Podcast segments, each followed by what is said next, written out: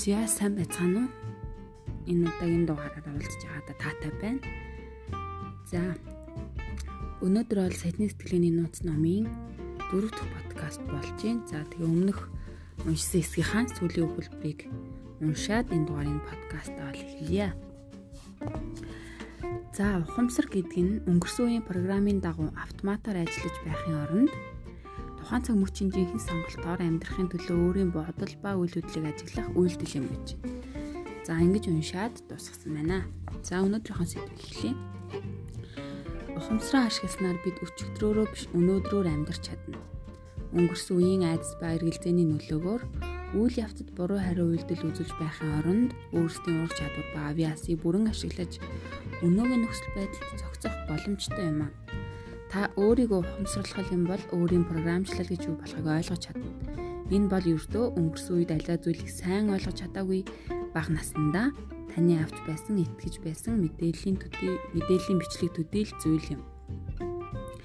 Энэ нөлөө нь та өөрөө биш харин таны сурсан зүйл гэдгийг та харах болно. Та өөрийгөө бичлэг биш харин бичлэг хийх гэдгийг мэдэх болно. Та бол аяган дотор байгаа зүйл биш харин өөрөө аяган юм. Та бол програм биш харин компьютер юм.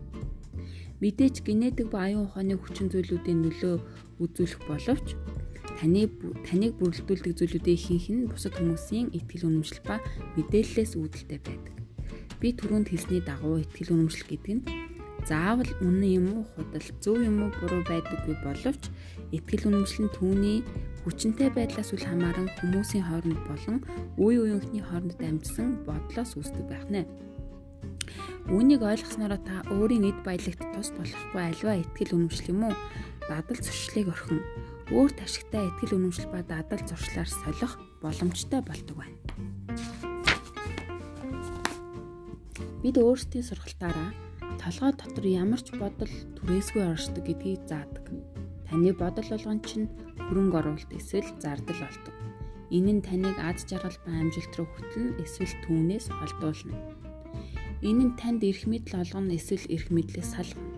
Ийм учраас өөрийн бодол ба итгэл үнэмшлийг сонгох зайлшгүй шаардлагатай байдаг. Таны бодол ба итгэл үнэмшил нь та өөрөө биш учраас заавал танаас салахгүй байх учиргүй. Та тэдгэрийг үн цэнтэй гэж итгэдэг хідээч тэд бол үнэндээ таны өгч байгаа утга учраас илүү ач холбогдолтой байж чадахгүй юм. Ямар ч зүйлд таны өгч байгаа ач холбогдлоос өөр утга учир гэж байдаггүй юм аа. Энэ номын эхэнд хэлсэн миний ямар ч үгэнд битгий итгэрэй гэж хэлснийг та одоо санаж байгаа ах. Тэгэхээр та үнэхээр амьдралдаа амжилтанд хүрье гэж бодож байгаа юм бол өөрийнхөө хэлсэн хэлсэн үгэнд нэгэнд нэгэнд нь ч бүртгэе гэж. Та агшин зургийн дотор гэгээхийг хүсэж байгаа бол өөрийн бодож байгаа ямар ч бодолд бүйдэг. Та ихэнх хүмүүстэй хүмүүсийн адилаар ямар нэгэн зүйлд итгэх нь тодорхой учраас танд хэрэгтэй зүйлд ч итгэж болно гэсэн үг шүү дээ. Хүний бодол мэдрэмжийг төрүүлж мэдрэмж үйл хөдлөлт хүргэж үйл хөдлөл нь үр дүнг авчирдаг гэдгийг санаарай. Та баян хүмүүс шиг сэтгэж ажиллаж ажиллах сонголтыг хийх боломжтой учраас тэдэн шиг үр дүнч бий болгож чадна гэсэн үг юм. Инхээр баян хүмүүс яаж сэтгэдэг вэ гэсэн асуулт гарч ирж байна. Үүнийг л та номын 2 дугаар хэсгээс олж мэдэх болно. Та өөрийн санхүүгийн амьдралыг үүр дүүржлэхийг хүсэж байгаа бол үргэлжлүүлэн уншаарай та бүхэн үргэлжлүүлэн сансаарай. За тунхаглал байна. Гараа зүрхэн дээрээ тавиад би өөрийн бодлыг ажиглан шүүж надад хүч чадал өгөх бодлыг л авч үлднэ гэж хэлэх нь. Та би өөрийн бодлыг ажиглан шүүж надад хүч чадал өгөх бодлыг л авч үлднэ. За толгойдоо гараа хүргээд би сайтны сэтгхүйтэй гэж хэл. Би сайтны сэтгхүйтэй гэж хэл. За энэ хоёр тунхаглалыг чангаар хэлснээр давтамж нь хорвоо ертөнцид цацагдан буцаж тань дээр ирдэг гэдгийг номын эхний хэсгүүдэд би уншиж өгсөн те. За тэрийг санаараад тунхагд санаад тунхаглалаа гой чангаар хэлээд яваарай. За энэ дээр нэг хүний амжилтын түүх байна. Ронда Боб Бенз. Ронда болон Боб Бенз нарын амжилтын түүх гэж байна. За би сайтны сэтгхийн эрчимтэй сургалтанд юу гэсэн хүлээж байгаач мэдэхгүй суусан. Гэвч бид хоёр үр дүнгээ хараад маш их баярлсан. Семинар суухын өмнө бид маш их мөнгөний асуудалтай байдаг байлаа. Бид хизээч ураг шахахгүй байх шиг санагддаг бай. үргэлж өрөнд ордог байсан бөгөөд яагаад гэдгээ ч мэддэггүй байсан. Би өөрөө өрөө төлөөд өрөө төлдөг боловч 6 сарын дараа дахиад л өрөнд ордог байсан. Ямар ч их мөнгө олоод нэмэргүй байдаг байлаа. Бид сэтгэл гонсгор байдлаасаа болоод их маргалтдаг байсан. Ингээд бид саяны сэтгхийн семинарт суух болсон юм. Харвин үгийг сонсоод нөхөр битээ би биенийхээ хөлийг базан нэг нэг рүү харж инээмсэглэдэг байсан. Бид гайхах зүйл алга ийм л учиртай юм би. Бүх зүйл ойлгомжтой боллоо гэж дуу албамаар олон мэдээллийг авсан. Сургалтын явцад бидний сэтгэл маш их хөдөлдөг байсан. Бид хоёр мөнгөний асуудлыг өөр өөрийнхөө хардаг байснаа ойлгосон юм. Тэр өргөч харин би цогтгоч байсан юм билээ. Энэ хоёр нийлэхээр ямар аимшигтай үр дагавартай байх нь ойлгомжтой. Мэдээллийг авсныхаа дараа бид хоёр нэг нэгнийхээ нэг нэгэ буруудахаа болж харилцан ойлголцож эхэлснээр хоёр биенээ улам ихээр хайрлаж өндлөх болсон юм. Бараг жилийн турш бид хоорондоо мөнгөний асуудлаар маргалцсангүй. Бид зөвхөн суралцсан зүйлээ л хоорондоо ярилцдаг байсан бид өрөнд орохоо болж харин ч бидний 16 жилийн харилцааны түүхэнд анх удаа хадгаламжтай мөнгөтэй болсон байдаг байлаа. Бид одоо ирээдүгөө мөнгө хадгалаа зогсохгүй өдөр тутмын зардлаа төлөөд цаана нь амрах, сурах, байшин худалдаж авах хэрэглэгдэх удаан хугацааны хадгаламжтай болсон.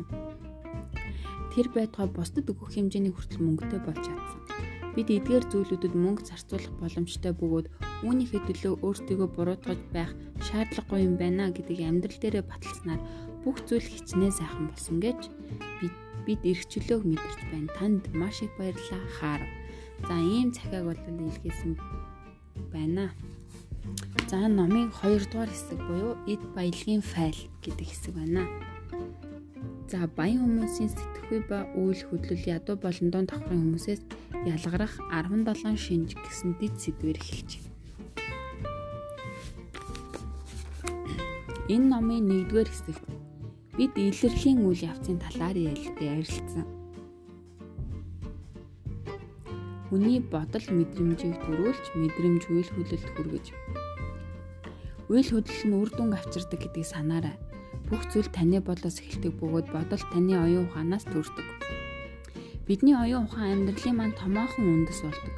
Байхад ихэнх хүмүүс энэ хүчрхэг хэрэгсэл хэрхэн ажилдаг талаар ямар ч ойлголтгүй байдг нь гайхмаар зүйл биш гэж юу? Иймээс бидний оюун ухаан хэрхэн ажилдаг болохыг харъя. Харьцуулж хэлвэл таны оюун ухаан бол ажлын өрөө юм уу гэрт чинь байдаг олон файлууд бүхий томоохон шүүгээ гэсэн үг юм. Та амьд үлдэхийн тулд тулд түүн дотор байгаа бүх мэдээллийг эргүүлэн гаргаж авахд хэлбэр байлгах үүднээс нэр бүхий хавцснуудад хувааж цэгцэлсэн байдаг. Та миний хэрэгэлсэн үгийг анзаарав. Би цэцэглэн хөгжих гэж биш, амьд үлдэхийн тулд гэж хэллээ. Өөрчлөгдөж байгаа нөхцөл байдалд та ямар хариу арга хэмжээ авахыгаа шийдэхийн тулд өөрийн оюун ухааны файлуудаас хайлт хийдэг. Жишээ нь та санхүүгийн боломжийг ашиглах тухай бодож байна гэж бодъё. Та автоматар мөнгө гэс нэртэй файл руу орж тэндээс юу их тухай шийдвэрүүдээ олно. Таны мөнгөний тухай бодлууд таны мөнгөний файлд хадгалагддаг. Энийн таны оюун ухааны энэ ангилалд хадгалагдж байгаа бүх зүйл учраас та зөвхөн эдгээр бодлуудыг л бодож чадна. Та өөрийн логикт ухаалаг тухайн цаг үед танд тохиромжтой гэж бодсон зүйл дээрээ үндэслэж шийдвэр гаргадаг та өөрийн зөв сонголт гэж бодож байгаа шийдвэрээ шийдвэрээ л гаргадаг. Гэтэл таны зөв сонголт амжилттай сонголт биш байж болно.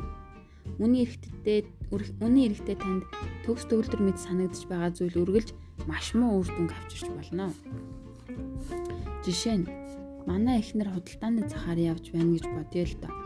Үүнийг төсөөлөхөд надад тийм ч хэцүү биш.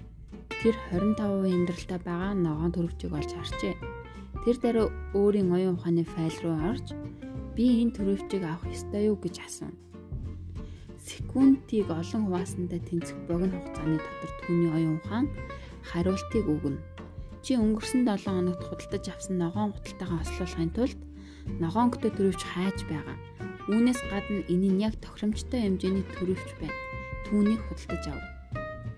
Тэр гарах хэсэг рүү яаран явж байхдаа энэ гой төрөвчийг авах гэж байгаадаа сэтгэл хөдлөлөөс гадна түүнийг 25% хөнгөлөлтөөнөр авсандаа бахархах сэтгэл төрнө.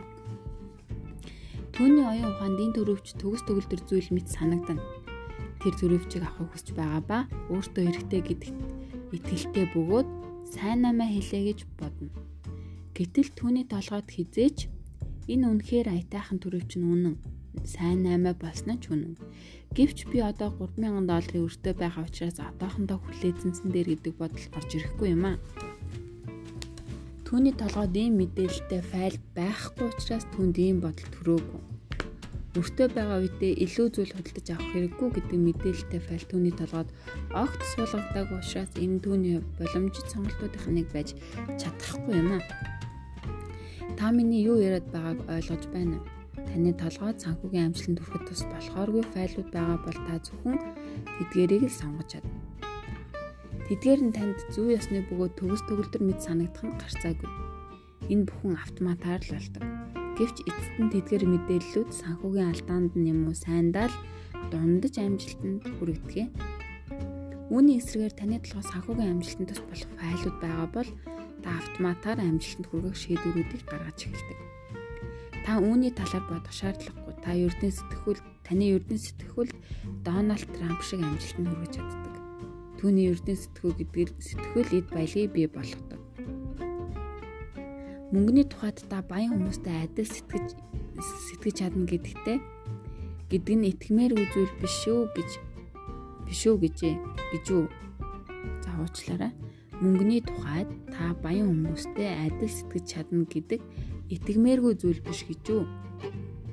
Та энэ асуултанд мэдээж гэх юм уу түүнтэй ойрол заруулт өгнө гэж би найдаж байна. Тийм ээ, та чадна. Өмнө хэлсэнчлэн альва өөрчлөлтийн анхны алхам нь ухамсар байдаг шиг баян хүмүүстэй ижил сэтгэхний алхам нь баян хүмүүс яаж сэтгэдгийг мэдэх явдал юм аа. Баян хүмүүс ядуу ба дунд түвшний хүмүүсээс хамаагүй өөрөөр сэтгэдэг. Мөнгө, эд баялаг болон хүмүүсийн тал дээр ер нь амьдралын бараг бүх асуудал дээр хандах тэдний хандлага, хүлээж авах байдал нь огт өөр байдаг. Номын 2 дугаар хэсэгт бид эдгээр ялгаануудын заримыг нь судлах бөгөөд таныг өөрчлөх үйл явцын нэг хэсэг болгож таны толгойд 17 хувилбар файлыг суулгаж өгнө. Шинэ файлуудтай хамт шинэ сонголтууд бий болдог. Тэгснээр та өөрийгөө ядуу юм уу дунд түвшний хүмүүс шиг сэтгэж байгааг ажиглаж ухамсартайгаар баян хүмүүсийн сэтгүүрөөр шилжих боломжтой болно. Та өөрийн аз жаргал ба амжилтанд тус болохгүй сэтгэхүйг тус болох сэтгэхүйгээр солих сонголт хийх боломжтой гэдгийг санаарай. За шигтгийн үг уншия баялагын зарчим.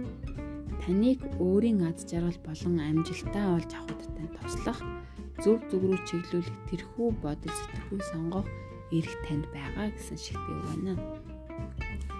За үргэлжлүүл уншия. Хідэн сануулгаар хичээлээ эхлэе Нэгдүгээрт би ямар нэг хэлбэрээр ятуу хүмүүсийг дорд үзэж тэдний нөхцөл байдлыг ойлгож өрөвдөхгүй байгаа юм биш гэдгээ хэлхийг хүсэж байна. Баян хүмүүс ядуу хүмүүсээс илүү гэдэгт би итгэдэггүй. Тэд зөвхөн илүү баян л байдаг. Үүний хамтаар би танд өөрийн хичээлийг найдвартай ойлгуулахын тулд баян ба ядуу хүмүүсийн ялгааг аль болохоор их болгож харуулна. Хоёрдугаарт би баян ядуу дунд түвшний хүмүүсийн талаар ярихдаа бидний сэтгэхүйн буюу тодруулбал хүмүүсийн эзэмшиж байгаа мөнгө юм уу нийгмийн үндснээс илүү сэтгэхүй ба сэтгэхүй ба үйл хөдлийн ялгааг онцолж байгаа юм шүү. 3 дугаарт би маш өрөнхий байдлаар хүмүүсийг ангилж байгаа. Бүх баян хүмүүс болон ядуу хүмүүс миний бичиж байгаатай ижил биш гэдгийг ойлгоорой. Дахин хэлэхэд миний зорилго та бүхэнд зарчмуудыг ойлгуулж амьдралд хэрэгжүүлэхтэй туслахад л хүсэж байгаа юм шүү. За дөрөвдүгээрт дуунад давхаргын хүмүүс баян ба ядуу хүмүүсийн сэтгэхүйн холимог байдаг учраас би их их тохиолдолд дунд давхаргын хүмүүсийг тусгайлан онцлоогүй байгаа. Та илүү их хэд баялагийг бүтээх хүсэж байгаа бол өөрийнхөө ангиллыг олж тогтоон. Илүү баян хүмүүс шиг сэтгэдэг болох ёстой бөгөөд түүнд үүнд тусахад туслахад чинь л миний зорилго оршиж байгаа юм аа. За 5 дугаарт энэ хэсэгт тайлбарлаж байгаа хит хитэн зарчим нь сэтгхүүгээс илүү дадал зуршил ба үйл хөдлөлтөй холбоотой байгаа. Бидний үйл хөдлөл бидний мэдрэмжээс төрдөг бол мэдрэмж нь бодлоос төрдөг гэдгийг санаарай. Ийм учраас баян хүний үйл хөдлөл бүрийн өмнө баян хүний сэтгхүй байх ёстой. Эцэст нь би танаас зөв байхаас татгалзахад бэлэн байхыг хүсэж байна. Энэ нь альва зүйлийг өөрийнхөөрөө хийхээс татгалзах бэлэн бай гэсэн үг юм. Яагаад? Учир нь таны одоогийн байгаа байдал чинь өөрийнхөөрөө байсны чинь үр дүн юм шүү дээ. Та байгаагаараа байхыг илүүд үзэж байвал өөрийнхөөрөө л хий. Харин та баян болж амжаагүй бол өөр арга барил ялангуяа маш баян бөгөөд олон мянган хүний эд баялагийг бүтээх замд хөтлөн оруулсан хүний арга барилыг авах талаар бодох цаг болсон байж болох юм. Энэ бол таны л шийдэх асуудал. За таны суралцах гэж байгаа ойлголтууд энгийн боловч гүн гүнзгий утгатай. Тэд бодит ертөнцид бодит хүмүүстэй зориулж бодит өөрчлөлтөө хийхэд нь туслана. Үүнийг би яаж мэдж байгаа юм бэ? Манай компанид жил бүр баялагын файл болсон хүмүүсийн амьдралыг хэрхэн өөрчилсөн тухай мянган мянган захиа ба захимшууд ирдэг. Та тэдгээрийг сурч хэрэглэх юм бол таны амьдрал ч гэсэн өөрчлөгдөнө гэдэгт би итгэлтэй байна. Номын хэсэг болгоны төгсгөл тунхаглал ба түүний өөрийн бие чингээх биеийн хөдөлгөөнийг заасан байгаа. Та мөн баялагын файлыг өөрөнд болгоход туслах ажиллагаануудыг ч гэсэн олж мэдэх болно. Та файл болгоныг өөрийн амьдралд аль болохоор шуурхаа нэвтрүүлж мэдлэгийг бит тэ бит эсийн төвшөнд хэрэгжүүлж байнгын өөрчлөлтийг бий болгох нь зайлшгүй чухал юм шүү. Ихэнх хүмүүс өөрийгөө дадал зуршлын амтан гэдгийг ойлгодог боловч хоёр төрлийн дадал зуршил байдаг гэдгийг мэддэггүй. Энэ бол үйлддэг зуршил, үйлддэггүй зуршил. Та яг одоо хийдэггүй зүйл болон таны үйлддэггүй зуршил юм. Таны яг одоо хийдэггүй зүйл болгон таны үйлддэггүй зуршил. Эдгээр үйлддэггүй зуршлуудыг өөрчилж үйлддэг зуршил болгох цорын ганцааргал тэднийг үйлдэх явдал юм аа. Энэ талаар унших нь танд дэмжлэг болох боловч унших ба хэрэгжүүлэх хоёр тис ондоо зүйлүүд. Та үнэхээр амжилт гаргахыг хүсэж байгаа бол түүнийгээ баталж санал болгосон ажиллагаануудыг заавал хэрэгжүүлээрэй гэсэн. За нөгөө 17 арга ажиллагаа гэсэн одоо яг энэ хэсгээс эхэлж байна. Баялагын файл номер 1. За баян хүмүүс би өөрийнхөө амьдралыг тээж байна гэж бодож бүтээж байна гэж итгэдэг бол ятуу хүмүүс ийм амьдрал надад тохиож байна гэж итгэдэг. Дахиад уншия. Баян хүмүүс би өөрийнхөө амьдралыг бүтээж байна гэж итгэдэг бол ятуу хүмүүс би ийм амьдрал надад тохиож байна гэж итгэдэг байна. За уншия. Та эд баялагийг бүтээхийг хүсэж байгаа бол өөрийнхөө амьдралын ялангуяа санхүүгийн амьдралын жолоог хатгаж байгаа гэдэгтээ заавал гэдэгтээ итгэх зайлшгүй шаардлагатай юм а.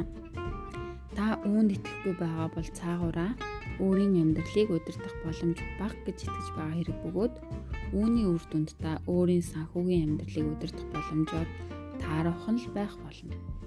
Энэ бол баян хүмүүсийн сэтгэхүй биш. Голдуу ядуу хүмүүс л суглаанд ихийг мөнгө зарцуулдаг болохыг та ажигласан. Тэд өөрсдийн эд баялагийг малгай дотроос нэгийг нь суглах хүн бий болгоно гэж итгэдэг. Тэд тагсан өдрийг телевизээс саллгүй ширтэж энэ 7 хоногт эд баялаг өөрсдийг нь олж ирэх юм биш байгаа гэж тогтлон суглааны үр дүнг харцууд. Мэдээж хүн бүр суглаа очихыг хүсдэг бөгөөд баян хүмүүс заримдаа зугаацах зорилгоор суглаа сугалдаг. Гэвч нэгдүгээр тэд өөрсдийн мөнгөний талыг суглаанд зарцуулдаг бөгөөд хоёрдугаар суглаан хожих нь тэдний эд баялагийг бий болох үндсэн стратеги биш юм. Та өөрийн хүрсэн амжилтыг болон амжилтанд хүрэхэд тантай уулзах бэрхшээлүүдийг өөрөө бүтээдэг гэдэг заавал итгэх ёстой. Ухамсартай ухамсаргүй алин боловч энэ та энэ энэ бол та өөрөө юм. Ядуу хүмүүс өөрсдийн амьдрал тохиолдож байгаа зүйлүүдийг хяналтандаа авахын оронд хохирогчийн дүрс тоглохыг илүүд үздэг. Хохирогчийн хамгийн их боддог бодол бол хөөхий бий гэдэг бодол юм. Ингээд тэд хүсэл зорилгын хуулийн дагуу хөөхий байдлыг тэр дараа олж авдаг. Тэднийг хохирогчийн дүр тоглодог гэж хэлснийг минь анзаараарай. Би тэднийг хохирогчд гэж хэлээгүй. Хин нэг нь хохирогч гэдэгт ч би итгэхгүй байна. Энэ нь тэдэнд ямар нэгэн байдлаар ашигтай байдаг учраас хохирогчийн дүрт тоглодог гэдэгт би итгэдэг юм аа. Бид удахгүй энэ талаар илүү дэлгэрэнгүй тайлбарлана. Хохирогчийн дүрт тоглож байгаа хүмүүсийг хэрхэн таних вэ? Тэдэнд гурван шинж илэрхий оршиж байдаг. Эдгээр шинжүүдийн талаар ярилцахын өмнө би эдгээр дадал зуршлууд нь энэ номыг уншиж байгаа хин нэгэнтэй ямар нэгэн байдлаар холбоогүй гэдгийг таныг зөвөр ойлгосоо гэдгийг хүсэж байна. Гэвч эдгээр шинжүүдтэй холбоотой хин нэгний талаар та мэдж байж магадгүй. Та тэр хүнийг бүр сайн таньдагч байж магадгүй. ямар ч байсан номын энэ хэсэгт анхааруул хандуулахыг хүсэж байна. Анхаарал хандуулахыг хүсэж байна. За хохирогчийн шинж тэмдэг нэгдүгээрт нь буруутгал. Тэд яагаад баян болдоггүй юм бэ гэдэг асуултын хариулт нь ихэнх хохирогчдод бусдыг буруутгах тоглоомд гарсан байдагт оршдог. Ийм тоглоомын зорилго нь өөрийн дутагдлыг харахгүйгээр буруу шууд чихэж хүмүүст ба нөхцөл байдлыг аль болох ахиухан шиг олж харахад оршдог. Энэ нь хохирогчдод ядаж хөвгөлтэй байдаг. Харамсалтай нь тэдэнтэй ойрхон байсан азгүй хүмүүст энэ нь тийм ч аятайхан зүйл биш байдаг. Учир нь хохирогчдтой ойрхон байгаа хүмүүс тэднийг байвал тэдний бай болох нь элбэг байдаг байна. Хохирогчид эдийн засаг засгийн газар үндэс цаасны зах зээл брокер өөрсдийн бизнесийн төрөл ажил олгогч ажилтнууд менежерүүд компани захиргаа дээд болон доод хүмүүс хэрэглэгчдийн үйлчилгээ тээвэрлэлтийн тасаг өөрсдийн түнш хань бурхан мөн мэдээч хэрэг өөрсдийн эцэг ихэд хамаг бурууг тогтдог. Тэд үргэлж хэн нэгэн юм уу зүйлийг буруутгадаг. Гэтэл асуудал өөр ямар нэгэн хүн юм уу зүйл биш тэдэнд өөрсдөд нь л байдаг байна. За хохирогчийн шинж тэмдэг 2 зөвтгөл Хэрвээ хохирогчд бусдыг буруутгахгүй байгаа бол мөнгө тийм ч чухал биш гэх мэт зүйл хэлж өөрсдийн нөхцөл байдлыг зөвтгөх нь нэлбэг байдаг. Би танаас нэг асуулт асууя. Та өөрийн эхнэр юм уу нөхөр? Найз залуу юм уу? Найз бүсгүй? Түн шүм үү найз? Тийм ч чухал чухал биш гэж хэлэх юм бол тэд таны дэргэд удаан байх уу? Мөнгө ч гэсэн үнэтэй ижил. Миний амьд семинарын үед оролцогчид үргэлж хаарав мөнгө тийм чухал биш шүү дээ гэж хэлдэг. Би тэдний нүд рүү ихцлэн харж та ядуу биз гэж асуухад тэд доош орж хөлцөнгөөр одоохондоо надад санхүүгийн бэрхшээлтэй асуудлууд хэд хэд байгаа л та гэвч гих маягийн зүйл хэлэхэд нь би тасалд үгүй. Одоохондоо биш. Энэ үргэлж юм байна. Та өрөөлж ядуу байсан бидтэй гэж асуудаг. Ингээд тэд голдуу толгой тохин зөвшөөрч энэ итгэл үнэмшлэн тэдний амьдралд ямар аимшигтай нөлөө үзүүлснийг ойлгож суралцахаар гонигтайгаар суудалтаа иргэн суудаг байна. Мэдээж тэд ядуу танд чухал биш байсан бол та мотоцикл авах байсан гэж үү? Мэдээж үгүй. Үүнтэй нэгэн адилаар та мөнгө чухал биш гэж боддог бол танд мөнгө байхгүй л байж таараа. Та энэ нээлтээрээ өөрийн найз нөхдийг бишрүүлж чадна. Та ярилцж байгаа найз, таны ярилцж байгаа найз нөхөдтэй нь мөнгө чухал биш гэж хэлсэн гэж бодъё. Гараа духан дээрээ тавиад тэнгэрээс мэдээ хүлэн авч байгаа юм шиг дээш харан та ядуу гэж ашиг. Ингээд таны найз нөхөд чи яаж мэдсэн юм бэ гэж асуух нь гарцаагүй Тэгэхэд нь алгаад дэлгээд өөр юу мэдхийг хүсэж байна. 50 доллар шүү гэж хэлээрээ. Шулуухан хэлэхэд мөнгө чухал биш гэж хэлж байгаа хүн мөнгөгүй л байдаг юм. Баян хүмүүс мөнгөний үнцийг ба түүний нийгэм дэслэх байр суурийг сайн ойлгодог. Нөгөө талаас ядуу хүмүүс тохиромжгүй харьцуулалтаар өөрсдийн санхүүгийн чадваргүй байдлыг баталдаг. Тэд мөнгө хайр шиг чухал биш гэж маргадаг. Энэ тэнэг харьцуулалт биш гэж юу? таныг гар хөл хоёрын аль нь илүү чухал вэ гэж асуухад мэдээж магадгүй хоёулаа л чухал гэж хариулна. Миний хэлхийг сонс. Мөнгө өөрийн нөлөөлөх салбаруудад маш чухал байдаг бол нөлөөлдөггүй салбаруудад огт хэрэггүй. Хэдийгээр хайр амьдралыг тэтгэдэг нь үнэн боловч түүгээр имлэг сүм гэр орон барьдаггүй түүгээр хүн тижээдэггүй шүү дээ. За баялагын зарчим мөнгө өөрийн нөлөөлөх салбаруудад маш чухал байр суурь тай байдаг бол нөлөөлдөггүй салбаруудад огт хэрэггүй байдаг. За итгэхгүй байна уу? Өөрийн төлбөрийн хуудсыг хайраар төлөх гэж хичээгээд үз. Бас л итгэлгүй байна уу? Тэгвэл банк руу очиод хайрыг хадгалуулахыг оролдоод үр дүнд нь юу болохыг үз. Яахыг нь би танд хэлье. Кас чин танд галзуугийн эмдээс цуцсан хүн харж хамгаалагчаа гэсэн ганцхан үгээр хашгирах гэж байна. Ямар ч баян хүн мөнгө чухал биш гэж боддоггүй. Хэрвээ би танд итгүүлж чадаагүй бол та яагаад ч юм бэ? Мөнгө чухал биш гэж итгэсээр байгаа бол би танд та ядуу гэсэн хоёрхан үгийг л хэлье. Та өөрийн санхүүгийн төслөөс тэдгээр хэрэггүй файлуудыг гаргаж авах хүртэл үргэлж ядуу хэвээрээ л байх болно. За хохирогчийн шинж тэмдэг 3 Таны эрүүл мэнд ба эд баялагт хамгийн муугаар нөлөөлдөг зүйл бол гомдол юм. Хамгийн муу. Яагаад? Би Би анхаарлаа төвлөрүүлсэн зүйлд хилдэг гэдэг ертөнцийн хуульд хатуу итгэдэг. Та гомдлож байхдаа амьдралын зөв зүйл дээр анхаарлаа төвлөрүүлдэггүй, буруу зүйл дээр анхаарлаа төвлөрүүлдэггүй.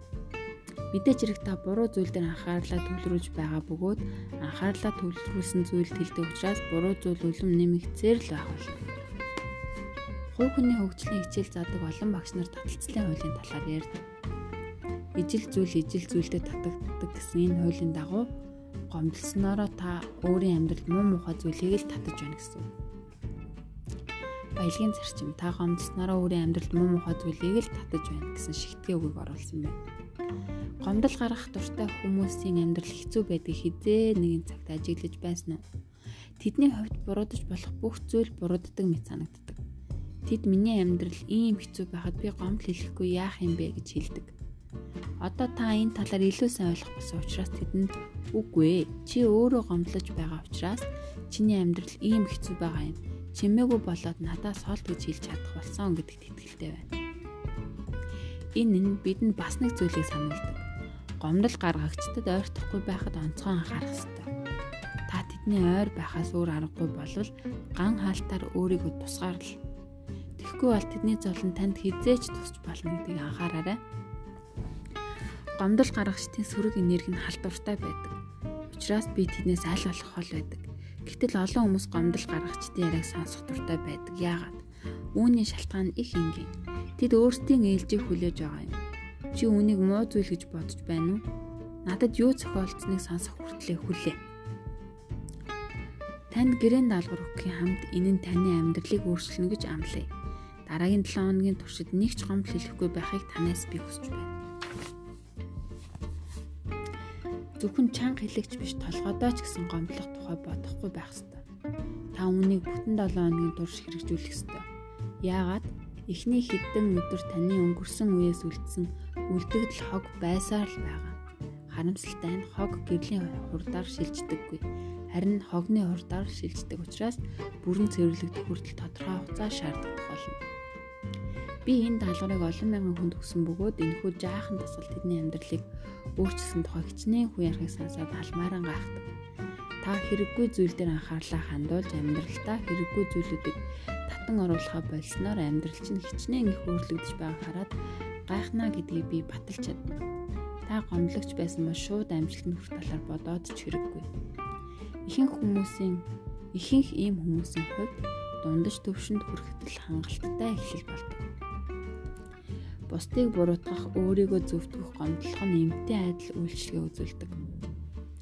Тэд сэтгэлийн дарамтыг бууруулах төдийл үйлчлэгээ үзүүлдэг юм. Тэд алдаанаас үүссэн сэтгэлийн дарамтыг бууруулдаг, үүнийг бодоод. Хүн ямар нэгэн байдлаар алдаа хийгээгүй бол бусдыг буруутгах, өөрийгөө зөвтгөх, гомдлох шаардлагатай гэж үү? Мэдээж үгүй. Одооноос эхлэн та өөрт аюултай байдлаар бусдыг буруутгах, өөрийгөө зөвтгөх, гомдлох хандлага гаргавал үүнийгээ тэр даруй зогсоо. Та өөрийнхөө амьдралыг өөрөө байгуулж байгаа бөгөөд мөч болгонд өөрийн амьдралд амжилт юм уу бэрхшээлийн аль нэгийг татан оруулж байдаг. Та өөрийн бодол ба үгийг ухаалгаар сонгох шаардлагатай. Одоо та ертөнцийн хамгийн агуу нууцуудын нэгийг сонсоход бэлэн боллоо. Та бэлэн байна уу? Үнийг анхааралтай унш. Үнэхээр баян хохирогч гэж байдаггүй. Та үүнийг ойлгов. Би дахин хэлье Үнэхээр баян хохирогч гэж байдаггүй. Тэгээд ч тэдний хэн сонсох билээ? Миний далбаад завинд зураас гарсан байна гэсэн ч гэсэн үг нь бараг хүн болгон хинт хамаатай юм бэ гэж харуулах баг. За энэ удаагийн подкаста ингээд дуусгая. Дараагийн подкаст хүртэл түр баяртай.